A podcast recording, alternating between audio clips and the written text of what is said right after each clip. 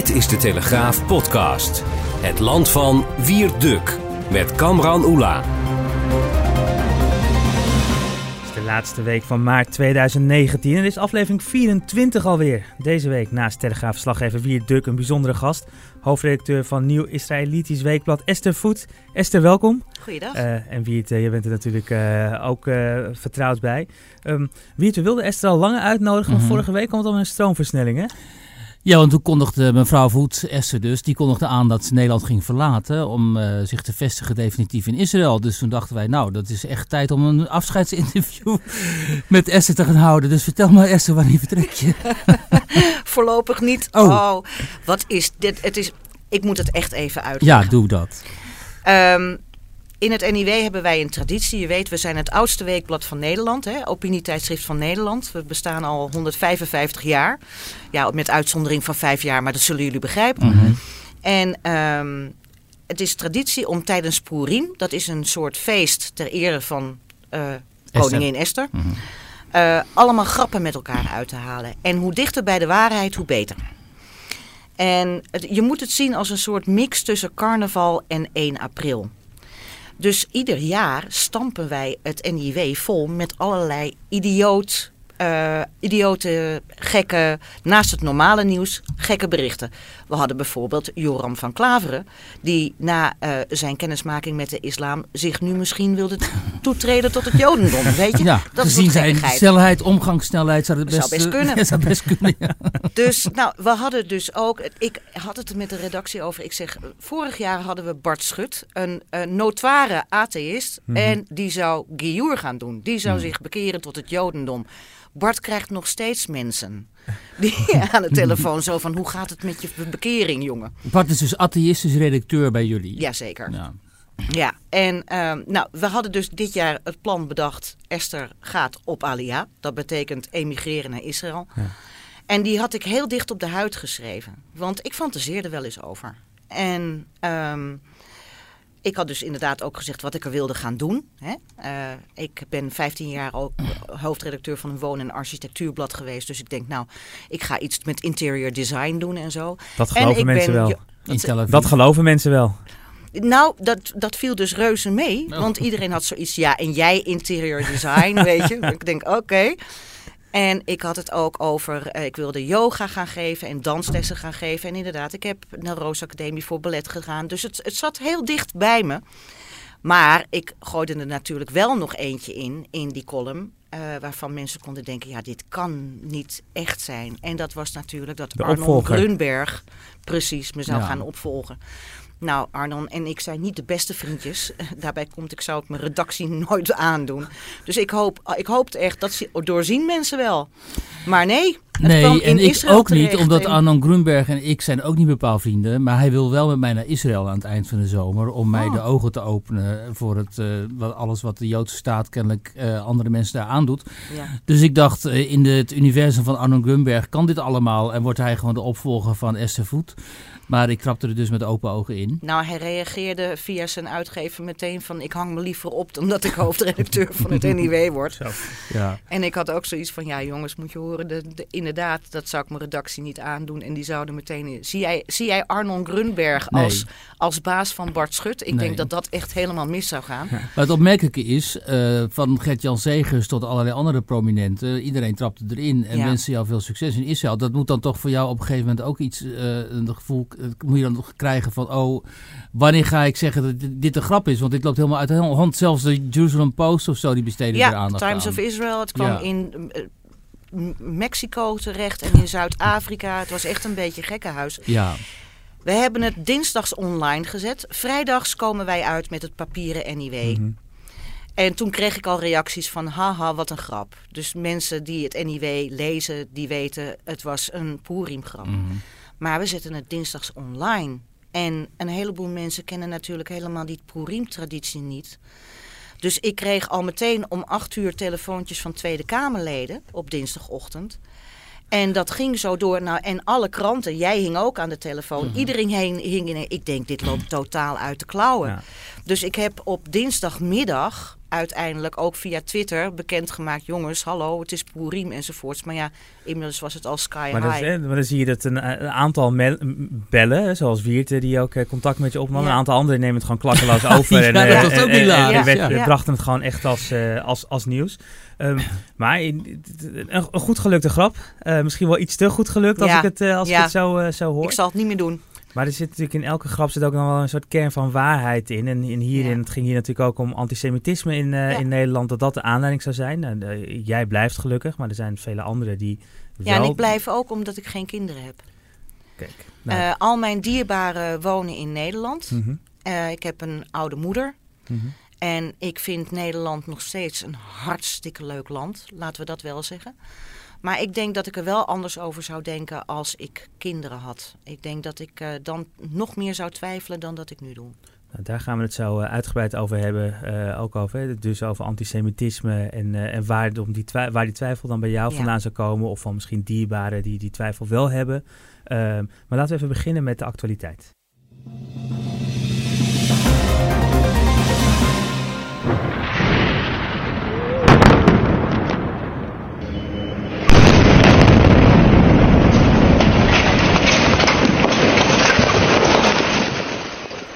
Zo klonk het maandagavond in uh, Gaza. Bij een gerichte aanval van het Israëlische leger zou een Hamas-kantoor zijn verwoest. Uh, luchtaanval volgt op een raket die richting Tel Aviv zou zijn uh, afgevoerd. ja, Wiert en Esther aan beide eigenlijk de vraag, hè, hoe, hoe, hoe kijken en luisteren jullie hier naar? Esther misschien als eerste. Nou ja, het was niet zou zijn. Er is gewoon een raket afgevuurd, afgevuurd ja. vanuit Gaza.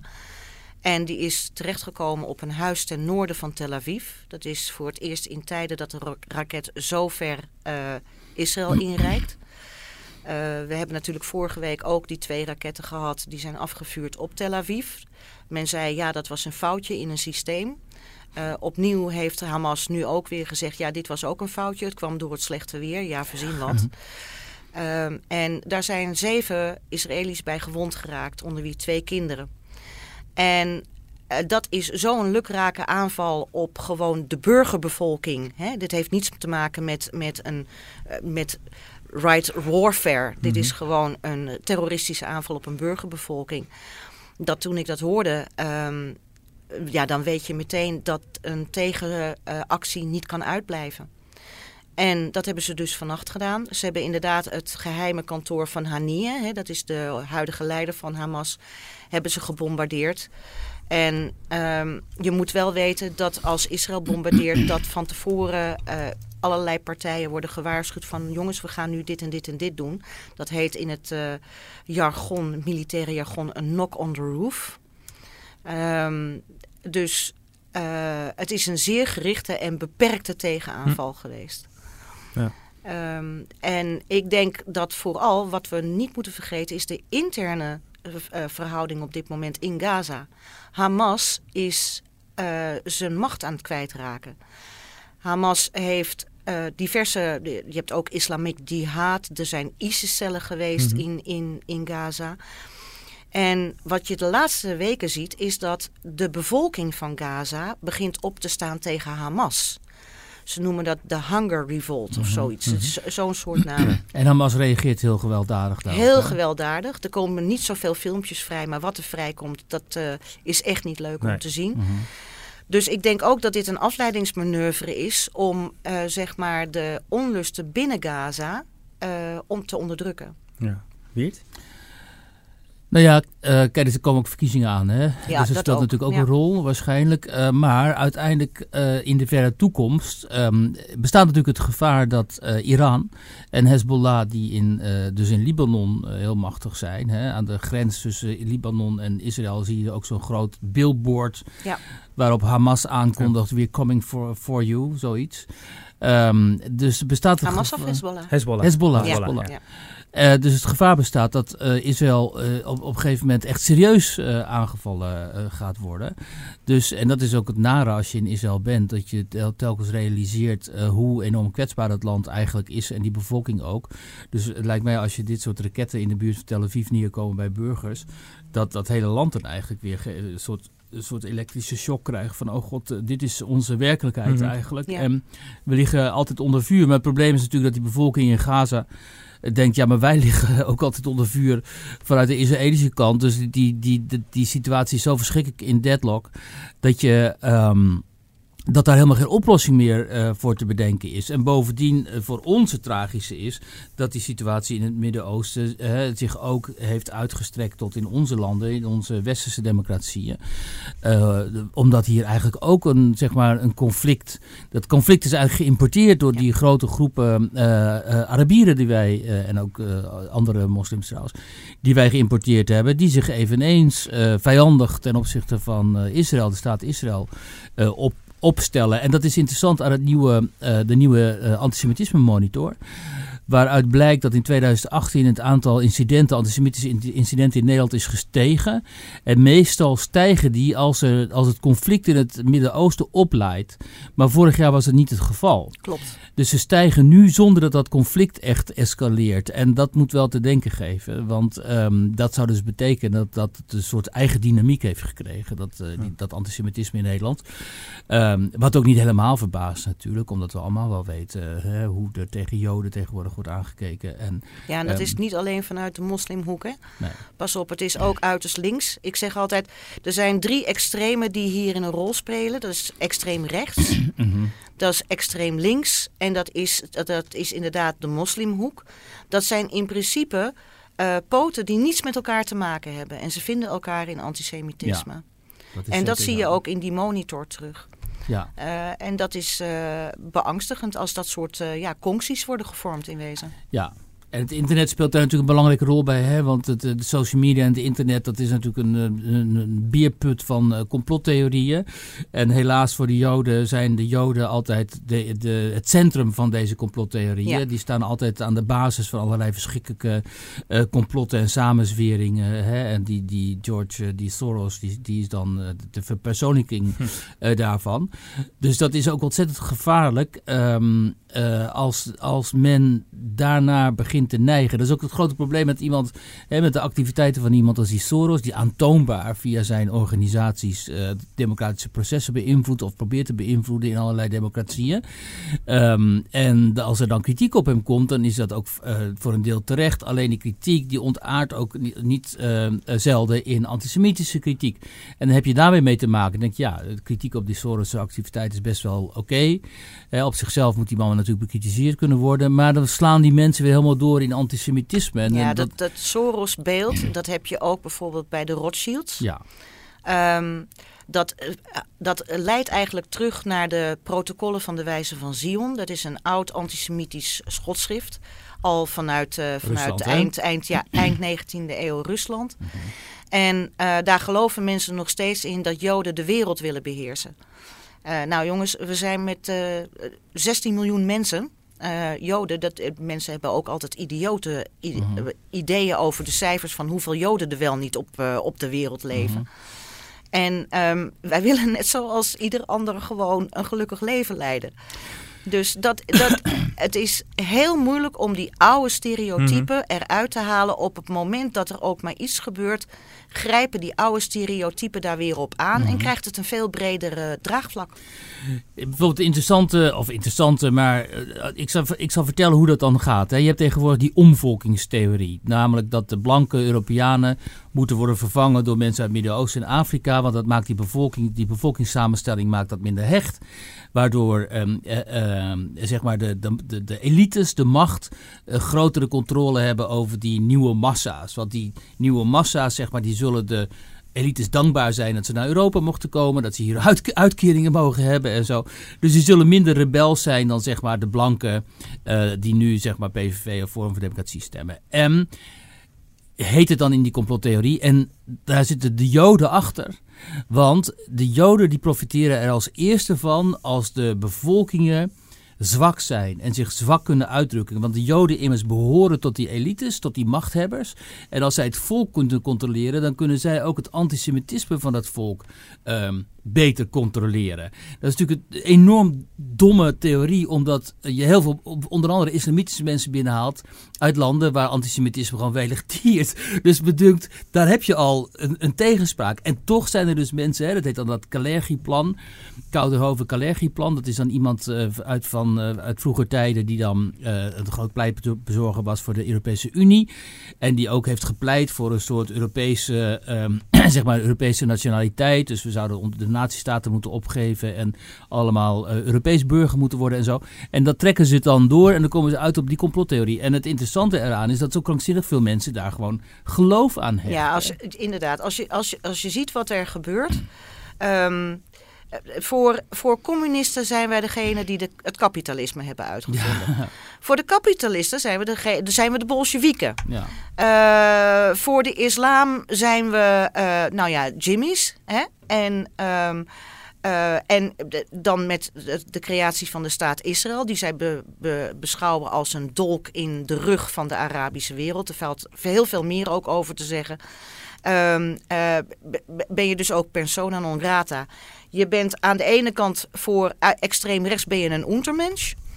Maar uh, voor wat, wat Wiert net zegt, uh, Joden worden aangeduid als de ultieme elite. Het, mm. het, uh, waar je ook kijkt, ik bedoel, je kunt niet winnen. als Jood kun je ja. niet winnen. Want op, op een of andere manier komt er altijd wel een idiote theorie binnen sluizen.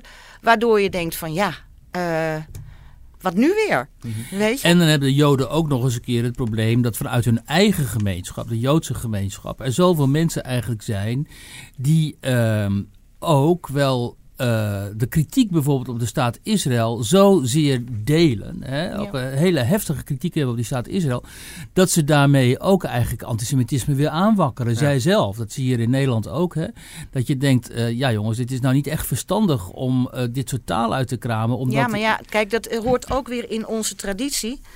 We zeggen wel eens uh, twee joden, drie meningen, vier synagoges, vijf bladen. Nou, ja. tegenwoordig hebben we nog maar één blaadje en dat zijn wij.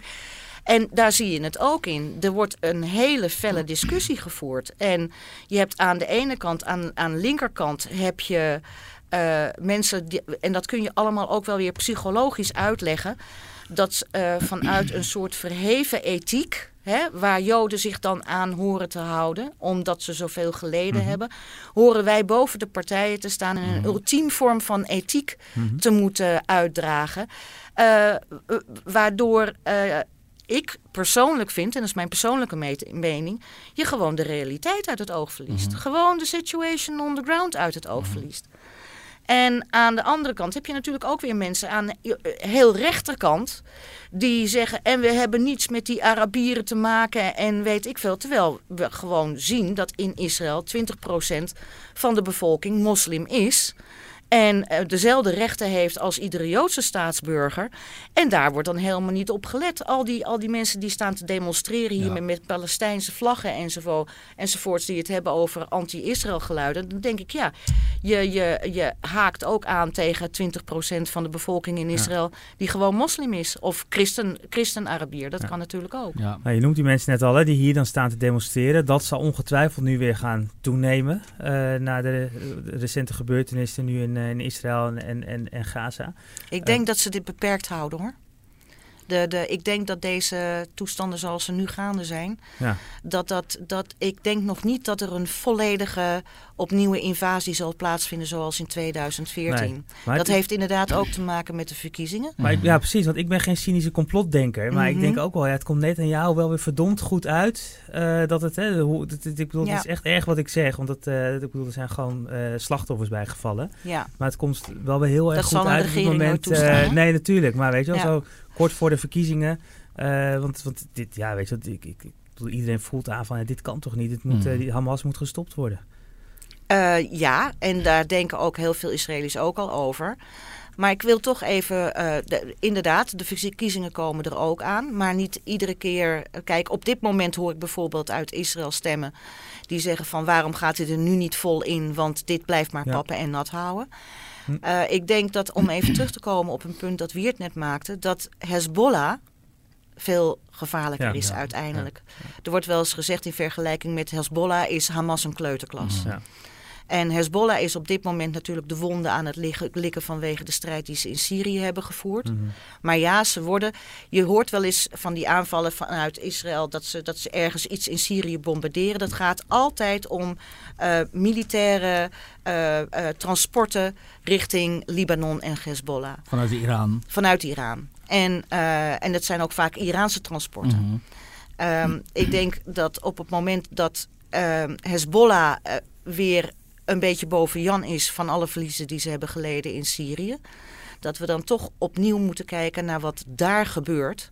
Dat dat veel, veel belangrijker en veel ellendiger is dan Ja, het realiseren heel veel mensen zich natuurlijk niet. Hè? Dat uh, Hezbollah in Libanon is gewoon een extra leger voor Iran. Ja. En, uh, en dat vinden de Israëli's inderdaad ook veel bedreigender waarschijnlijk. Uh, althans wat ik gehoord heb ook dan Hamas. Um, omdat uh, ook vanwege die gevechtservaring die ze nu hebben. En gewoon vanwege hun uh, de, de, de, grootte. En vanwege de link naar Iran. Hè. En ze zijn gedisciplineerder. Ja. Ja. Maar laten, we de, maar laten we de vertaalslag weer even naar, naar Nederland maken. Ja. Want uh, het, ja, het is actueel en er gebeurt een hele hoop. Dus we kunnen ook in dat Midden-Oosten blijven. Maar nu even weer naar, de, naar, naar onze eigen straten hier. Ja. Het antisemitisme dat dus hier aan het toenemen is. En ook in een jaar toeneemt dat het niet per se direct uh, uh, gelinkt hoeft te worden met, aan, aan wat er in, het, uh, in, in Israël of omringende landen gebeurd is. Um, helemaal aan het begin gaf je aan is van ja, als, als, als, als kinderen zou hebben, dan zou ik, weet ik niet of ik hier zou willen blijven. Wat, wat, wat je daarmee? Waarom zeg je dat? Nou, ik denk dat een heleboel mensen zich niet beseffen dat wij maar een heel kleine minderheid zijn. We vullen met z'n allen, alle Joden in Nederland, nog niet eens de arena. Ja, over zo'n klein clubje heb je het. En dan tel je heel erg. Uh, de, de vaderjoden tel je dan ook vader mee. maar ook ja. oh, een opa of een oma mm. hè, uh, die Joods is. En als je je als Joods identificeert, dan kom je in totaal op iets van 50.000 mensen ja. uit. Um, je ziet dat um, waar. Ik, in, ik, ben, ik, kom, ik ben van 63, ik word nu 56 als kind zei ik tegen mijn ouders: ja, maar antisemitisme, papa, mama, dat hebben we nou toch wel afgeleerd. En ik weet nog hoe mijn vader zei: van weet je, Esther, er is nu een dun laagje vineer. Dat heet zogenaamd beschaving. Vroeg of laat komen daar weer de scheuren in en komt het bruine drap weer boven. En ik dacht zelf dat ik het in mijn leven niet zou meemaken. Mm. Maar je ziet het wel. Kijk naar zo'n actrice Marianne van Reden. Die mm. gewoon op straat wordt uitgescholden voor vieze Jood. Uh, en zo zijn er veel meer voorbeelden. Mm-hmm. Um, dan denk je toch van ja, um, l'histoire se répète. En wat ga je doen? Ja. Ik heb voor het 150-jarig bestaan van het NIW... Uh, alle NIW's is doorgebladerd. Ook de NIW's die werden gepubliceerd voor de Tweede Wereldoorlog. En uh, ik wil echt niet zeggen dat de situatie vergelijkbaar is. Ik geloof ook echt niet dat er opnieuw een holocaust komt of wat dan ook. Ik denk wel, dat ik weet dat in de Joodse gemeenschap mensen veel meer, steeds meer onderduikgedrag gaan vertonen. Waarmee ik bedoel dat ze niet openlijk durven uit te komen voor die identiteit. En als ik die artikelen lees van toen, dan hebben die verdomd veel weg van de artikelen nu. En dat is beangstigend. Dat mensen ook geen keppeltje meer op durfden te zetten en zo. Dat synagoges geen... bewaakt moesten worden en andere Joodse ja. instellingen. Ja, wij zitten ja. ook anoniem. Ja. Um, uh, we, de, mensen durven geen Davidster meer te dragen. En wat je ook heel erg ziet, is dat um, uh, de situatie in het Midden-Oosten wordt gebruikt als een soort sp splijtswam. Mm -hmm. Er zijn mensen die gewoon op vrijdag lekker gezellig met elkaar aan tafel zitten, gewoon als vrienden onder elkaar. En op het moment dat het dan op een Midden-Oosten uh, gesprek aankomt, een conflict dat zo gecompliceerd is dat dat niet 1, 2, 3 uit te leggen valt of te bespreken valt, dat uh, je als Jood bijna uh, wordt beoordeeld als door een, door een soort ballotage moet. Of je een goede Jood bent of je bent een foute Jood. Goede Jood betekent je komt door de ballotage als je stevig tegen Israël aantrapt. Mm -hmm. En een foute Jood, als je zegt van ja, hallo jongens, maar er zijn twee, twee kanten van de zaak. Dan word je al snel gewoon buitengesloten. En in mijn kennissenkring en ook in de kennissenkringen van, en vriendenkringen van een heleboel vrienden van mij, zie je gewoon dat we mensen verliezen omdat we niet alles zomaar van de Free Palestine Movement voor zoete koek liggen. Hmm. En dat is uh, heel verdrietig. Nou, ik denk dat veel mensen zich ook niet realiseren hoe um, zeer die Joodse gemeenschap um, gevaar loopt. Um, ik was gisteren in Buitenveldert voor een verhaal over een centrum dat daar komt uh, voor uitgeprocedeerde, ja. uitgeprocedeerde asielzoekers. Wat op zichzelf natuurlijk heel bizar is, want die mensen zijn uitgeprocedeerd. Dus die moeten eigenlijk gewoon uh, weg. Maar de gemeente Amsterdam heeft besloten dat voor die mensen 500 man iets van zeven centra komen in allerlei wijken en ook in Buitenveldert. En uh, daar zie je dus in zo'n zo sportzaal, in, zo'n in, zo in een gymzaal, honderden mensen bijeen, uh, onder wie ook veel Joden. -hmm. En als je daar naartoe rijdt, dan kom je dus voorbij Joodse instellingen die echt heel zwaar bewaakt worden. Hè? Prikkeldraad, uh, marechaussee, noem maar op. En als het over instellingen hebben we het ook gewoon over scholen. Hè? Dus scholen, waar, waar, kinderen gaan uh, basisonderwijs ja, zeker, ja, ja. volgen. Dat zijn vestingen. Ja, dat zijn vestingen. En, dan, um, en op die avond waren dan ook hè, Ronnie IJzerman en zo. Die waren dus een aantal Joodse, uh, aantal Joodse vertegenwoordigers, um, ook uit, vanuit de politiek. En die zeggen dan ook daar tegen die wethouder Grootwassing van GroenLinks... joh, uh, allemaal mooi en aardig, maar je zet hier dus een centrum neer voor uitgeprocedeerde mannen eigenlijk. Allemaal in de, zeg maar, kracht van hun leven. Hè? In een wijk waarin Joodse instellingen overduidelijk uh, aanwezig zijn. Bewaakt worden door marechaussee. Waar mensen ook uh, willen met keppeltje over straat kunnen gaan. Dat soms al niet meer kunnen, maar goed, hier in Buitenveld het nog wel. Dus wat zit je nou eigenlijk de kat op het spek te binden? En dan wordt het natuurlijk ontkend. Er wordt natuurlijk gezegd, ja maar hallo, dat zijn christelijke Eritreërs. Of dat zijn mensen uit Soudaan. Of, hè, dus waar maken jullie druk om? Maar die, die, die, die Joodse woordvoerders daar, die maken zich daar heel druk om. Mm -hmm. En ook terecht als je in een omgeving moet leven waarin je allerlei prikkeldaad op je scholen moet binden. En waarin mensen met uh, zware wapens voor je, voor je deur moeten staan en zo. Dus dan zou er inderdaad vanuit de gemeente wel wat meer um, empathie mogen zijn met deze gemeenschap, denk ik dan. Maar dat is dan gewoon nul, hè? Er wordt helemaal geen rekening mee gehouden. Nou, weet je, weet je wat ook het probleem is? Bij ons is er, uh, en ik wil niet generaliseren hoor, maar Joden in Nederland hebben een, een, een ethisch probleem. Kijk, wij zijn hier natuurlijk 400 jaar geleden binnengekomen als vluchtelingen. Hè? En wij kregen juist uitgerekend in Nederland een relatief warm welkom. Warmer bijvoorbeeld dan uh, Rooms-Katholieken hier in deze hm. stad, in Amsterdam. Dus aan de ene kant voelen wij een morele verplichting om inderdaad te zeggen: vluchtelingen natuurlijk welkom. Hè? Ook voor de Tweede Wereldoorlog. Anne Frank was een Duitse vluchteling. Aan de andere kant weet je dat mensen die hier binnenkomen, Syriërs bijvoorbeeld, dat zijn mensen die zijn opgevoed in een educatief systeem waar je.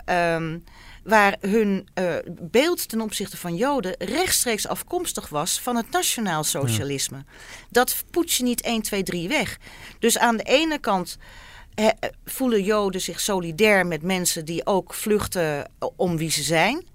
Aan de andere kant heb je uh, wel het gevoel, ja, maar wat haal je nou precies binnen?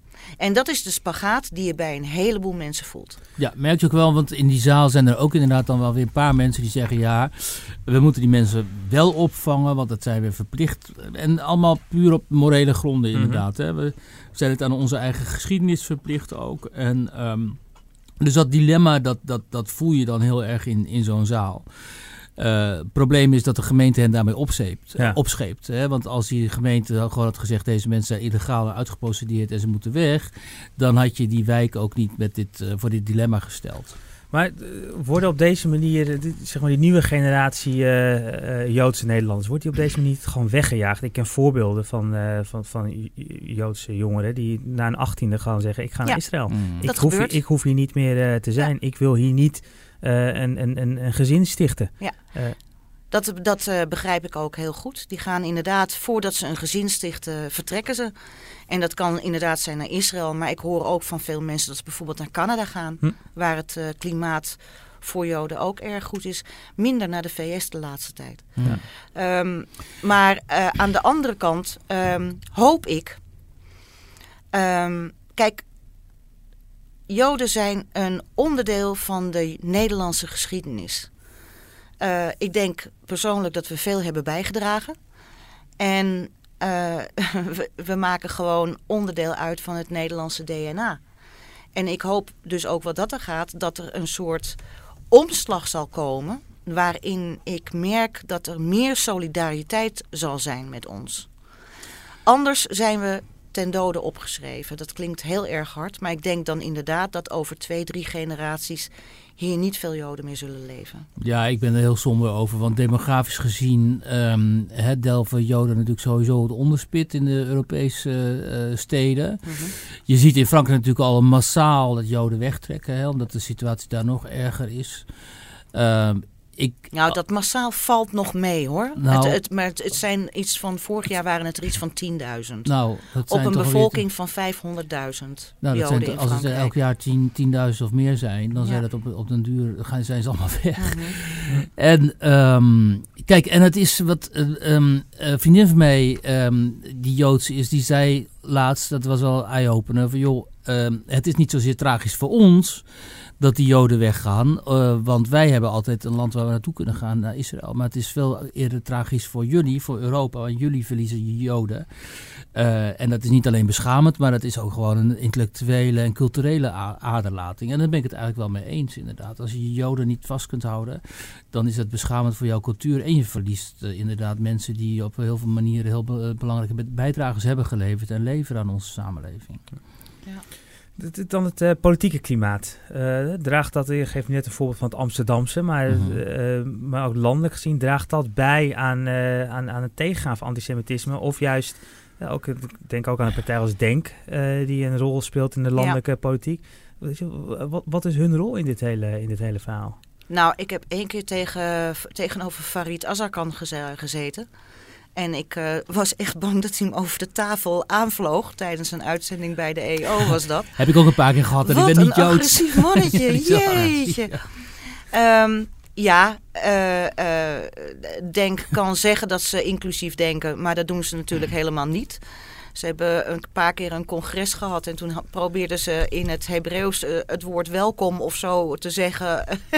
en dat hadden ze helemaal, dus de, helemaal verkeerd om, want wij hebben een, een, een, een Hebreeuws gaat gaan van rechts naar links. Ja.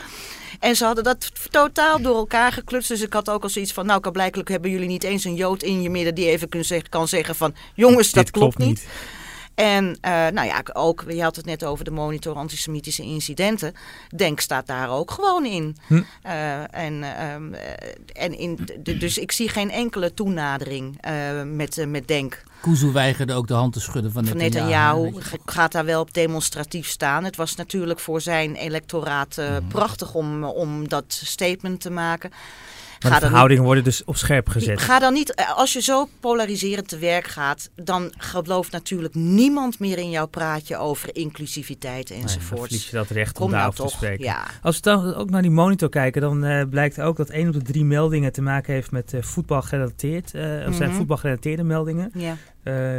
Revue-hoofdredacteur Jonathan Ursem die pleit deze week dan ook dat Ajaxide op zoek moeten gaan naar een nieuwe geuzennaam. Uh, dus het wordt natuurlijk in het uh, Amsterdam ja. Arena, uh, gaat continu ja. over joden en superjoden. Ja. Ehm, zou dat ook een verschil kunnen maken? Zou dat bijdragen als dat niet meer gebeurt? ik denk in dit specifieke, laten we vooral even één ding duidelijk stellen. Je kunt alles proberen uit te schakelen, maar het komt toch weer ergens anders boven. Dan verzinnen ze wel wat, weer wat anders. Ik heb wel een keer in een trein gezeten naar Ajax en toen hoorde ik ook dat van superjoden, superjoden. Ik werd er bang van. Oh ja? Ja, ik vond het helemaal niet prettig om te horen. Um, en uh, um, het punt is dat uh,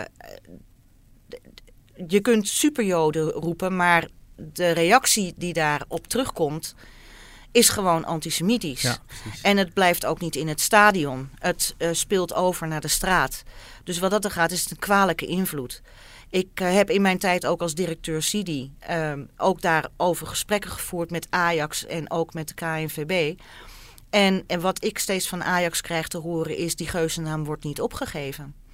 Ik zou het zelf geen verkeerd idee vinden. Ook sowieso moet ik heel eerlijk zeggen dat de hele Joodse geschiedenis van Ajax behoorlijk overdreven is. Dus mhm. waar die mythe vandaan komt dat het zogenaamd een Joodse club is, is, dat een was tweede. alleen Salem Muller of zo die Joods was? Of, uh... Ja, en we hebben natuurlijk uh, Michael, Michael, van Praag gehad en, uh, en, ja, en, en, en Coronel. Ja. Maar vanuit de, de, enorm, de lange historie exact. is het helemaal niet nee. zo'n Joodse club. dus oké. Okay. Um, maar het moet natuurlijk in principe wel kunnen als jij wil, lekker wil brullen dat jij een Jood, Jood, Jood bent in, een, in een stadion. Punt is dat je daarmee dingen uitlokt die een grote stap verder gaan gewoon. Maar eigenlijk in het begin van je antwoord zeg je, een soort een beetje richting het einde van deze podcast alweer, maar zeg je volgens mij wel iets, iets cruciaals. We kunnen van alles doen. Uh, we, we, kunnen aan de ene kant het wegdrukken, maar aan de andere kant zal het gewoon weer omhoog komen. Het, dit is iets, en dat net ook vanuit de geschiedenis ook. We, hebben Christus vermoord. We hebben, we, we, toen werden we, waren we untermenschen vanwege ons ras. Uh, de banken, hè? Uh, niemand weet of weinigen weten dat juist alleen Joden met geld om mochten gaan, omdat, er geen, uh, omdat christenen dat werd verboden en ook moslims trouwens. Um, dus iedere keer is het weer een andere aanleiding. Het is, antisemitisme is een muterende ziekte. Gelukkig de enige ziekte waar wij Joden niet aan lijden. Maar, ehm, want het is een ziekte van de wereld, niet van ons. Maar je ziet dat, dat het steeds weer opnieuw muteert. Hm. En nu is het de staat. En is islamofobie het nieuwe antisemitisme? Uh, het, ik, ik, spreek veel liever van het woord moslimhaat. Mhm. Net zoals ik eigenlijk liever van jodenhaat spreek dan van antisemitisme. Uh, kijk, het punt is dat men uh, het verschil niet maakt dat joden een volk zijn. We zijn niet alleen een religie. Het merendeel van de joden beschouwt zichzelf als atheïst. Uh, waar weliswaar een geloof aan gekoppeld is, maar het ook voor de Tweede Wereld en tijdens de Tweede Wereldoorlog met de mensen van hun bed gelicht die nog nooit een stoel van binnen, een synagoge van binnen mhm. hadden gezien. Dat is de grote denkfout die je maakt. En je mag op de religie, de Joodse religie, kritiek hebben wat je wilt. Als je onze spijswetten belachelijk vindt, je gaat je gang maar. Als je Mozes een oetlul vindt, je gaat je gang maar. Wij hebben trouwens een profeet die wel gevoel van humor heeft trouwens. Je ziet hele leuke cartoons langskomen. Maar um, uh, dat mag al. Besnijdenis, mm uh, geen enkel probleem. Het gaat om een Jood wegzeggen als Jood onafhankelijk van wat hij denkt, maar wat hij is. Mm Dat is wat anders dan uh, kritiek hebben op een geloof. Je moet dat ook van de islam kunnen zeggen. Je moet ook van de islam kunnen zeggen: Ik vind het belachelijk dat jullie geen varkensvlees eten. Of ik heb niks met die Ramadan. Of nou ja, eh, die Mohammed, uh, lees het eens goed na. En dat schijnt niet mogelijk te zijn. En dan wordt al snel gezegd: Je bent islamofoob. Nee, je mag kritiek hebben op een religie. Net zoals christenen onderling ook eh, kritiek hebben op het christendom. Mhm. of, maar het is wat anders om een moslim aan zich te haten. Mhm. Begrijp je? Dat zijn twee totaal verschillende dingen. En ik denk dat we dat uit elkaar moeten gaan halen. Ja. En dan inderdaad, het is erg moeilijk om uit te leggen dat wij Joden een volk zijn. En veel meer dan alleen een religie. Want ook daarmee wordt, uh, een heleboel mensen hebben de denktrand, Joden vormen een religie en een religie heeft geen land nodig, dus geen zelfbeschikkingsrecht. En Joden zijn een volk en dus hebben we recht op zelfbeschikking. Hm. Een volk, net zoals de Koerden bijvoorbeeld overigens, heeft recht op zelfbeschikking. Ja. Heel goed. Ja, Wiert?